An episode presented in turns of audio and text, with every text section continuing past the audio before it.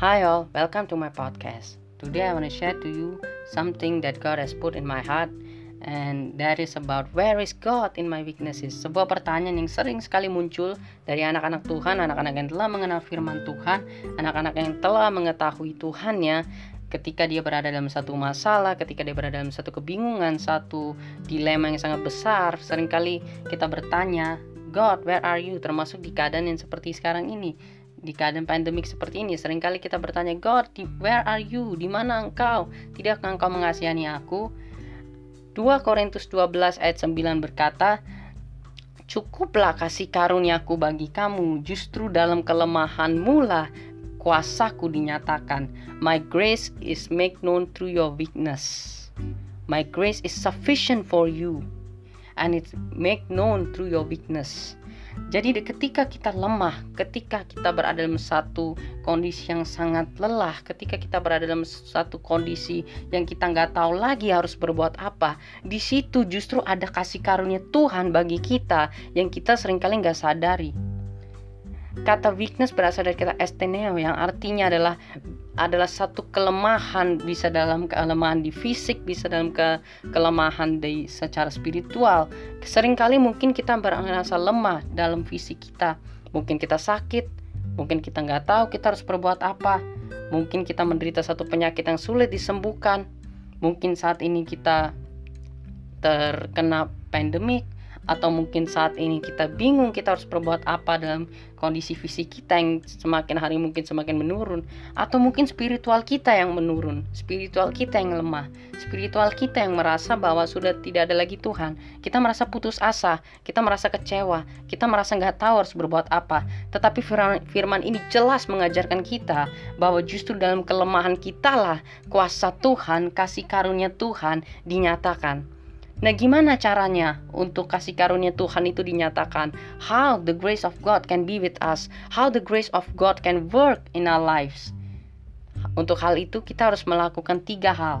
Ada tiga hal yang harus penting sekali untuk kita lakukan to experience the grace of God dalam kelemahan kita untuk membuat kita semakin kuat, untuk membuat kita semakin teguh, untuk membuat kita semakin tegar di keadaan pandemik seperti ini.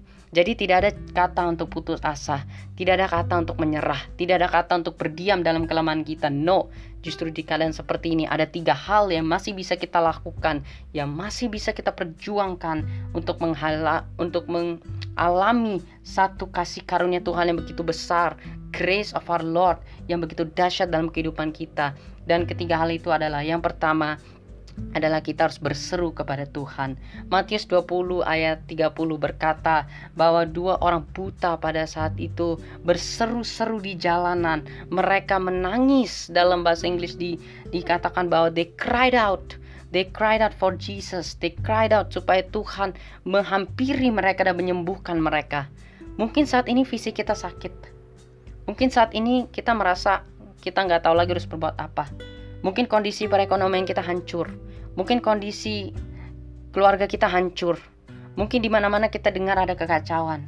Tetapi justru di saat inilah kita perlu berseru-seru dengan suara kita senyaring mungkin kepada Yesus untuk dia mendengarkan kita kita harus berseru dengan sekuat tenaga kita. Tidak peduli jam, tidak peduli waktu, siang, malam, 24 jam yang engkau miliki. Serukanlah namanya, mintalah pertolongan daripadanya. Lihat dua orang buta yang ada di jalan pada waktu itu. Walaupun dia di, mereka disuruh oleh orang-orang di sekitar mereka untuk diam saja, tetapi mereka tidak mendengarkan. Seringkali kita kita terbawa oleh situasi yang ada, keadaan mungkin pemberitaan yang ada, mungkin informasi yang kita dapatkan yang membuat kita berpikir sudah tidak ada gunanya lagi untuk berseru kepada Tuhan, sudah tidak ada gunanya lagi for us to pray, sudah tidak ada gunanya lagi for us to ask God to beg for His mercy, to beg for His grace in our life. Jadi kita berpikir bahwa lebih baik kita berdiam diri saja, tetapi ayat ini jelas mengajarkan kita bahwa ketika kita dalam kelemahan seperti dua orang buta itu yang tidak tahu mereka harus berbuat apa. Mereka lemah, mereka tidak tahu, mungkin mereka sudah mencoba banyak hal, mungkin mereka sudah mencoba begitu banyak cara untuk mendapatkan mujizat, tetapi mereka tidak kunjung mendapatkannya. Tetapi mereka tidak berhenti berseru kepada Yesus. Dan begitu mereka tahu Yesus ada di situ dan sedang berjalan, mereka malah berteriak dengan suara yang nyaring, dengan suara yang sangat keras supaya Yesus dapat mendengarkan mereka, supaya Yesus dapat menghampiri mereka, menyembuhkan mereka, memulihkan mereka dan memberikan mereka penglihatan yang mereka rindukan. Seringkali kita merasa bahwa sudah tidak ada harapan. Aku pun pribadi pernah merasakan banyak hal yang seperti ini. Although in my condition of vision that I can see, but aku tetap memilih untuk berseru sama Tuhan dan aku mau encourage kita semua yang akan mendengarkan podcast ini atau yang sedang mendengarkan untuk jangan pernah menyerah, jangan pernah berputus asa untuk berseru kepada Tuhan karena jawaban Tuhan akan ada pada waktunya Tuhan. So jangan pernah berhenti berseru sama Tuhan walaupun kita sudah lemah, walaupun kita sudah putus asa. Never, never ever stop in calling the name of the Lord. Karena ketika kita berseru, ketika kita berseru, maka Tuhan akan datang dan menghampiri kita dan berkata kepada kita, "Apa yang kau kehendaki, aku perbuat bagi engkau." Dan kita tinggal menjawab dan kita akan mendapatkan mujizat yang kita mau. Jadi di saat ini hal pertama yang harus kita lakukan untuk mengalami kasih karunia kita dalam kelemahan saat-saat seperti ini adalah yang pertama kita harus berseru kepada Tuhan. Jangan pernah berhenti berseru sama Tuhan.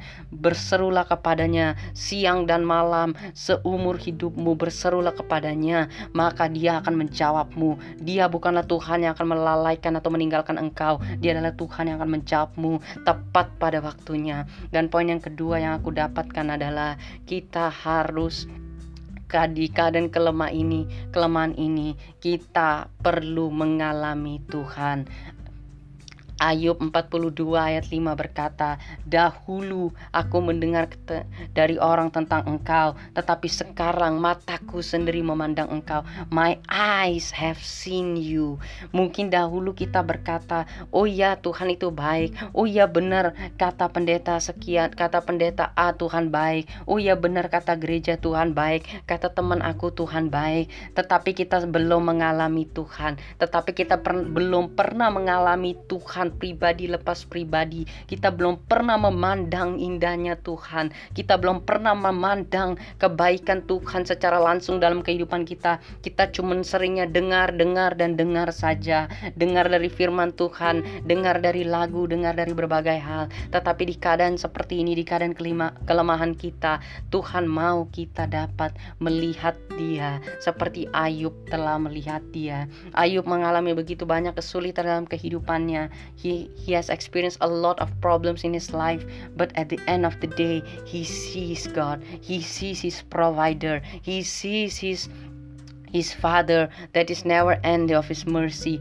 He sees his father that is that has got everlasting love that has got everlasting grace for him. And at this point of life at this point of view that we are having now at this season at this moment we need to see god. We need to see god. That is why we are having this type of problems because god wants us to see him. God wants us to experience him pribadi lepas pribadi. God doesn't want us to just hear from people about who god is how good he is how is his grace how deep is his love for us, but He wants us to experience the real love of Jesus Christ Himself, the real love of God the Father Himself, the real grace that is that He has given for us, that unending grace that is that He has poured out in the cross 2000 years ago. He wants us to see, to experience, and to be in that situation so that we can know Him, so that we can get His heart. Karena itu, jangan pernah menyerah di saat-saat seperti ini ini adalah saat-saatnya di mana kita akan mengalami Tuhan, kita akan melihat Tuhan dan kita akan melihat kasih karunia-Nya bagi kita. Karena itu, jangan pernah berhenti untuk memandang Tuhan, jangan pernah berhenti untuk memandang Tuhan, karena ketika kita memandang Tuhan, kita pasti akan menemukan Dia, kita pasti akan melihat Dia. Dan poin yang ketiga yang aku dapatkan adalah jangan pernah berhenti meratap bagi kesalahan kita. Jangan pernah berhenti meminta ampun, jangan pernah berhenti berkata dan mengakui kebaikan Tuhan dalam kehidupan kita. Merataplah untuk kesalahanmu, merataplah untuk kebangsamu, merataplah untuk kotamu, merataplah untuk kehidupanmu sebab orang sebab Yeremia pun melakukan hal yang sama. Jeremiah has been in very bad situation. He has been he has been declined by all the people in this in the city of Israel, in the city of Jerusalem, in the whole Israel, sampai dalam pembuangan pun dia tidak pernah berhenti meratap bagi Israel. Dia tidak pernah berhenti meratap bagi Yerusalem, bagi kotanya, bagi bangsanya, bagi negaranya. Dan ini adalah saatnya untuk kita meratap bagi kota kita, meratap bagi kondisi kita. Karena ketika kita meratap, ketika kita meratap, kita akan menyadari bahwa sesungguhnya kasih Tuhan begitu besar dalam kehidupan kita. Seperti ratapan 3 ayat 2223 berkata, begitu besar kasihnya kepada kita, selalu baru setiap pagi. His grace is always new every morning. Great is his faithfulness.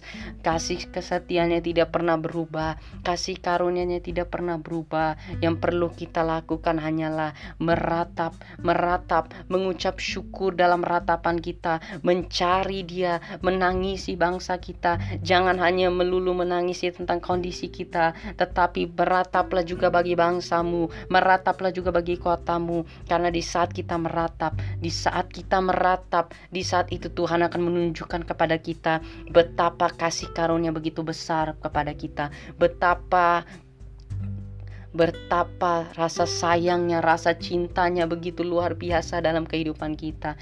That's why never stop asking God, never stop crying for your country, crying for your city, crying for your life, crying for your family, crying for others, crying for souls. Di saat-saat seperti ini yang kita perlu lakukan adalah kita juga harus meratap bagi jiwa-jiwa, biarlah jiwa-jiwa mengalami Tuhan, biarlah jiwa-jiwa merasakan hadirat Tuhan, biarlah biarlah jiwa-jiwa dapat terlawat melalui keadaan seperti ini biarlah ada pertobatan yang besar di seluruh dunia dan biarlah the great commission dalam Matius 28 ayat 19 sampai 20 dapat diberitakan sampai ke bangsa-bangsa. Karena ini adalah saat-saatnya di mana Tuhan akan datang kembali. Karena itu jangan hanya meratap bagi dirimu juga tetapi berat merataplah bagi orang-orang yang belum mengenal engkau.